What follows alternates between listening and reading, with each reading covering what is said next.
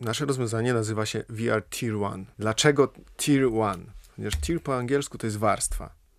Tier 1, czyli pierwsza warstwa, czyli jakby taka fundamentalna warstwa. Wzięło się to stąd, że tak jakby jak nad tym się zastanawialiśmy, to w zasadzie uważamy, że stan psychiczny pacjenta, nastawienie pacjenta do rehabilitacji, y, jego chęć i motywacja jest taką podstawą, y, jeżeli chodzi o skuteczność całego procesu rehabilitacji. Jeżeli tej podstawy, tego fundamentu nie ma, to trudno osiągnąć bardzo dobre efekty. Czasem one są dobre, a czasem są słabe, a czasem po prostu w ogóle ich nie ma. Stąd właśnie wzięła się taka nazwa jako fundament. Stworzyliśmy ten projekt po to, żeby pomagać pacjentom po ciężkich chorobach, takich jak udar mózgu, po zabiegach kardiologicznych, y, z chorobami pulmonologicznymi i z depresją. Pokazaliście mi ogród odrodzenia. Jak to ma działać? Zabieramy pacjenta w taką terapeutyczną podróż. Pacjent poddaje się namowom terapeuty i wykonuje jego polecenia. Wchodzi do takiego ogrodu i w tym ogrodzie ma rozmaite zadania. Wykonując te zadania, poprawia stan tego ogrodu. I to jest taka metafora w zasadzie poprawy stanu jego zdrowia. W momencie, kiedy zakończy naprawiać ten ogród, mamy nadzieję, że w jakimś stopniu kończy naprawiać siebie. To jest wirtualna rzeczywistość. Pacjent ma zakładane na głowę gogle najnowszej, najnowszej generacji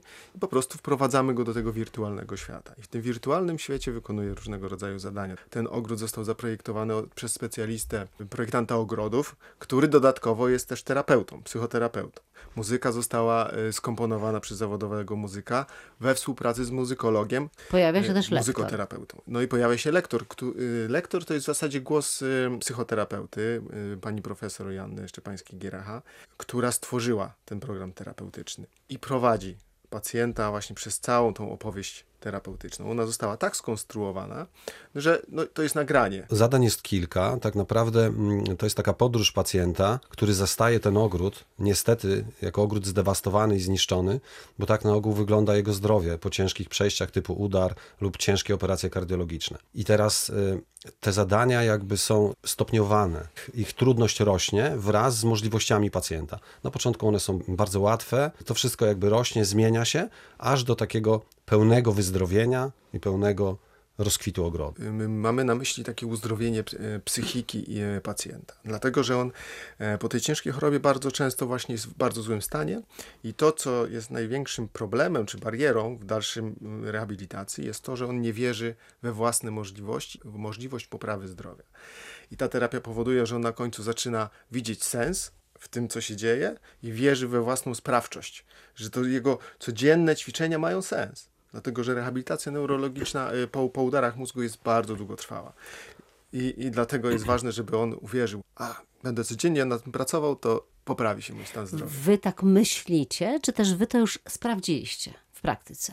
Zakończyliśmy właśnie w tej chwili kolejne badania. Wybraliśmy największy oddział neurologiczny w Polsce, w szpital, szpital w Reptach. Więc w tej chwili to już jest piąte badanie, które, badanie naukowe, które przeprowadziliśmy. Podobne badania robiliśmy na oddziałach kardiologicznych, na oddziałach pulmonologicznych. No i w tej chwili kończymy ten, te, te najważniejsze badania dla nas. W zasadzie skończyliśmy te najważniejsze badania dla nas, czyli z pacjentami poudarowymi. No i mamy dowody. Więc to nie jest tak, że chcielibyśmy i mamy nadzieję, ale w tej chwili już jesteśmy pewni, bo mamy po prostu dowody. Po prostu to działa. Żeby myśleć o efektach, to pewnie to musi być stosowane jakoś cyklicznie. Jaki tutaj jest zamysł? Przewidzieliśmy 8 sesji terapeutycznych plus sesję rozgrzewającą na samym początku i jeszcze taką sesję podsumowującą.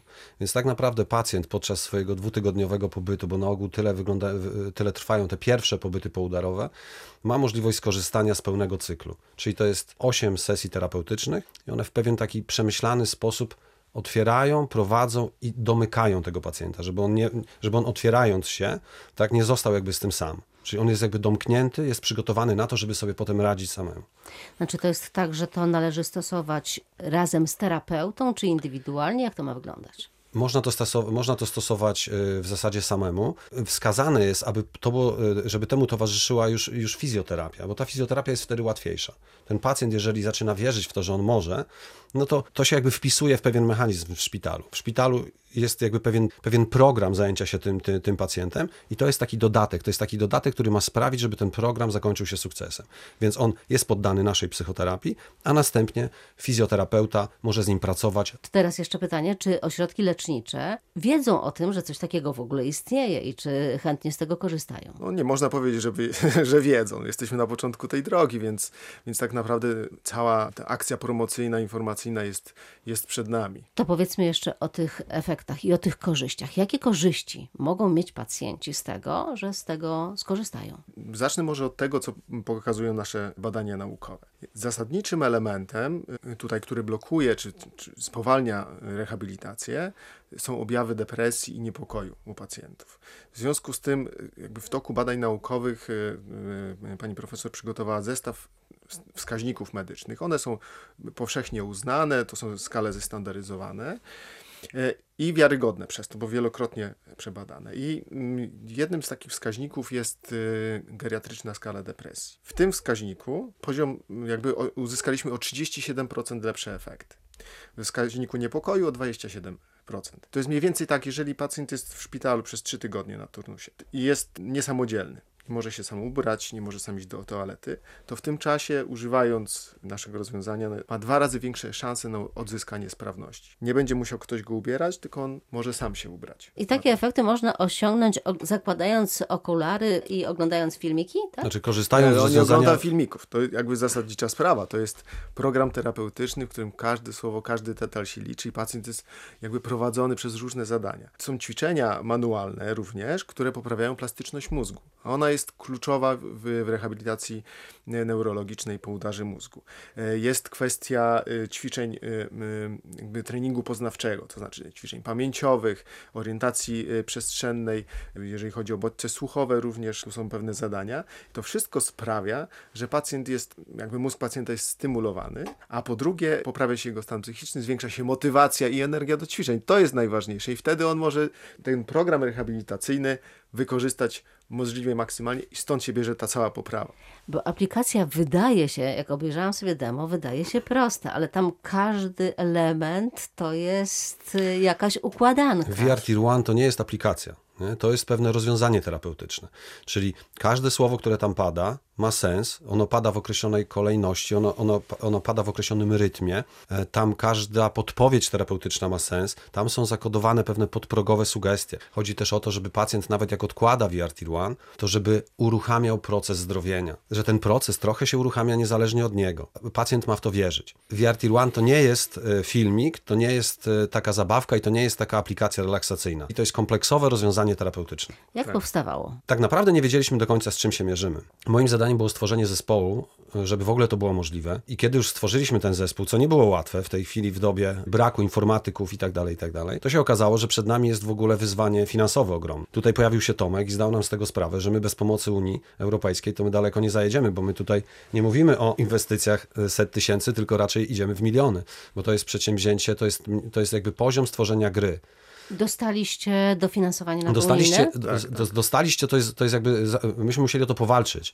Myśmy wystartowali w konkursie Game In, organizowanym przez Narodowe Centrum Badań i Rozwoju.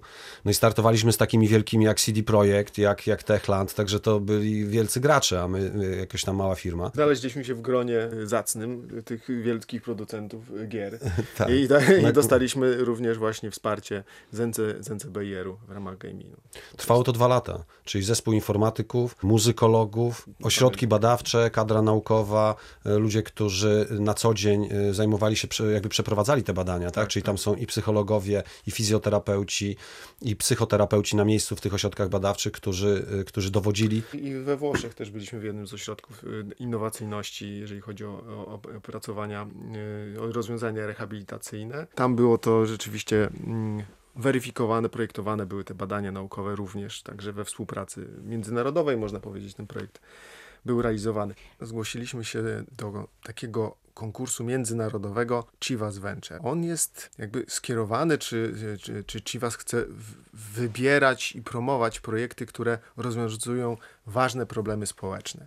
Więc y, z tego co wiem, około 100 aplikacji było zgłoszonych w polskiej edycji. Zostaliśmy najpierw wybrani do dziesiątki, a później jakby drogą takiego już powiedzmy lokalnego konkursu do pierwszej piątki, więc y, byliśmy w finałach.